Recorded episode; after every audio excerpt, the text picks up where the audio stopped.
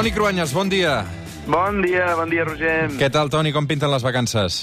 Les vacances, bé, mira, una mica preocupat això, l'incendi aquest. Jo ara mateix soc a l'altra punta de Catalunya, per això, eh? perquè ja, jo com vosaltres també començo vacances ja, o sigui que he començat a sortir de, de Barcelona i veure mar i veure horitzons més grans. O sigui que aquest agost no et veurem gaire al TN o, o ho fas intercalat o com anirà?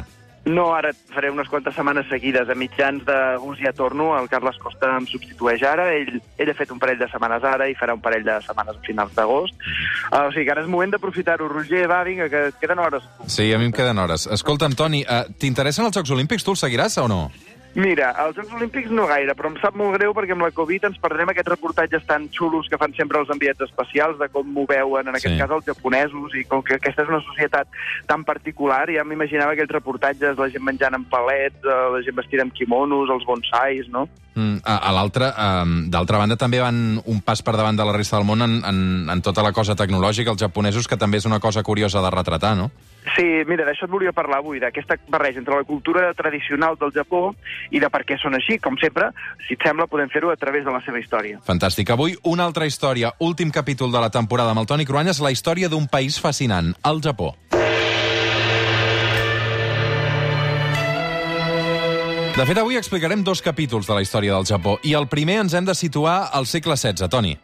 A veure, situem-nos. El món era el temps dels grans descobriments. Des del 1492, amb l'arribada de Cristòfor Colom a Amèrica, totes les potències europees s'estaven expandint arreu del món, per comerciar, o per explotar, millor dit, i també per conquerir nous països. Però recordem que uns dels avançats en l'arribada als nous mons eren els religiosos, i així va ser en el cas també del Japó.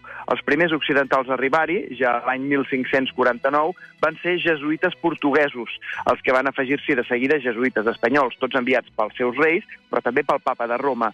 Van fer tasques d'evangelització entre els japonesos i, de fet, ho van fer amb molt èxit. Es calcula que l'any 1600 mig milió de japonesos eren catòlics. Al llarg d'aquestes tres temporades, Toni, hem parlat de la història de les missions dels jesuïtes a Amèriques, però no dels jesuïtes al, al Japó, no? Doncs van ser molt importants, amb la gran diferència que Amèrica van tenir molt èxit i al Japó la cosa no va acabar bé. Sí, perquè els jesuïtes van topar amb un enemic inesperat. El Japó ja tenia un emperador que manava per sobre de totes les altres autoritats, però encara hi havia moltes disputes entre algunes dinasties i clans pel poder. Els Tokugawa eren els que manaven en aquell moment. De fet, l'emperador Tokugawa Hideyoshi va potenciar les arts, la construcció de castells plens de sofisticació i de luxe, i també va aplicar una política de molta tolerància religiosa. I per això, Toni, el catolicisme s'havia estès amb facilitat. Sí, però en paral·lel, el fill de l'emperador va conèixer un aventurer britànic que va desembarcar al Japó després de viatjar per tot el món. Es deia William Adams. Era cristià anglicà i com a soldat anglès havia lluitat, entre altres, contra l'Armada Invencible espanyola l'any 1588 al Canal de la Mànega. És a dir, que als jesuïtes espanyols no els de, devia agradar gaire aquell nou vingut, no? Gens, gens. Li van dir a l'emperador, de fet, que era un heretge i que se l'havia de crucificar. Clar, Tokugawa Hideyoshi va dir que ni parlar-ne, que si havia estat obert amb la religió catòlica també ho, seria amb aquest cristià anglicà.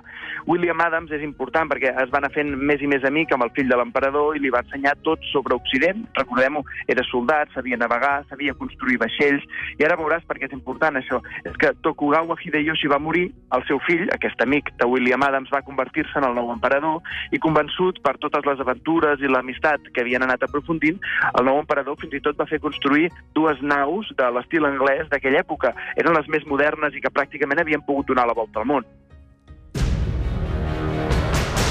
D'aquesta manera, Toni, l'exèrcit japonès va utilitzar les millors tecnologies per tenir vaixells per sortir mar enllà. Però va passar una cosa que ho va capgirar tot. Al país es van multiplicar les revoltes. Ja ho hem dit abans, que el poder de l'emperador no era tan gran perquè hi havia clans que estaven enfrontats. Doncs el 1603 va tenir lloc al castell d'Osaka una de les batalles més importants entre l'emperador de la família Tokugawa i els revoltats. I a dins del castell es van trobar molts jesuïtes i catòlics que, tement per la seva vida, van lluitar contra l'exèrcit de l'emperador. Això va provocar tot tipus d'acusacions cap als jesuïtes i cap als estrangers en general. I va provocar una matança de jesuïtes. Quan l'emperador va guanyar, va fer justiciar 40.000 jesuïtes i aquesta horta catòlica va ser expulsada completament del país. L'emperador s'havia sentit enganyat, enganyat pels estrangers, i per això va tancar el país en banda. Va fer el contrari que el seu pare, zero tolerància amb els estrangers i amb les religions que no fossin el sintoisme oficial del Japó. I això va fer que el Japó es tanqués i s'aïllés, Toni. El país es va tancar a les religions de fora i a tot el que era estranger. A més, als japonesos se'ls va prohibir viatjar.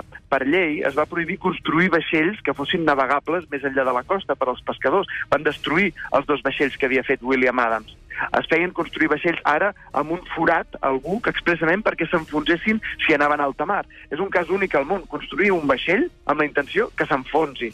Doncs fins a aquest punt va arribar el tancament del Japó al món. Va durar dos segles, es coneix com a Sakoku, la política de tancament total de fronteres. Clar, Toni, amb això eh, es van perdre la Revolució Francesa o la Revolució Industrial, no? Clar, ells seguien a la seva, amb els seus quimonos, els seus palets de menjar arròs, les seves tradicions ancestrals. De fet, hi ha una opereta britànica del segle XIX molt famosa que ridiculitza aquesta tradició i aquesta estètica tan pròpia dels japonesos, el Mikado.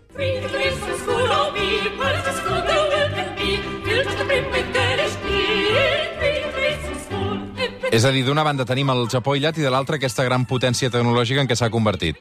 Sí, aquí el segon capítol d'aquesta història és a finals de, del segle XIX, el Japó, que s'havia resistit a obrir les portes al comerç internacional, però llavors veu com la Xina perdia les anomenades guerres de l'opi contra els britànics, el país del costat. I perquè amb la indústria s'adonen que els occidentals tenien unes armes tan potents, amb una flota que superava tan tecnològicament de llarg l'exèrcit xinès, aquelles guerres van significar moltes pèrdues de vides humanes per la Xina. En el cas del Japó, els que van amenaçar d'atacar-los van ser els nord-americans.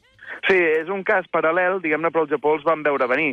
La cort de l'emperador japonès, que sabia de la superioritat occidental, va decidir obrir les portes de cop i permetre l'entrada a milers de comerciants, sí, però també milers d'enginyers i operaris que van ensenyar als japonesos tot el que sabien. Va ser la política japonesa d'obertura amb un objectiu molt clar. En deien igualar i després superar els occidentals. Aquest era l'eslògan, eh? Igualar i superar.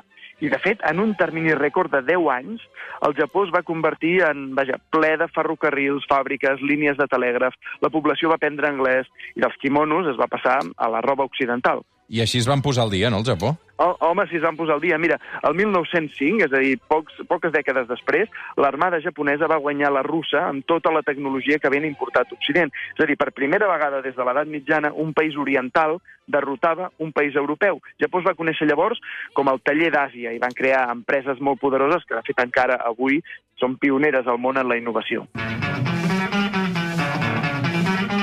Avui l'últim capítol d'una altra història d'aquesta temporada amb el Toni Cruanyes, amb una història dedicada al Japó. Avui, Toni, si et sembla, acabarem amb una cançó que, encara que no sembli japonesa, és això que sona de fons, és la banda sonora de Kill Bill de Quentin Tarantino, una pel·li també amb arrels japoneses i que es diu uh, Bomb de Twist.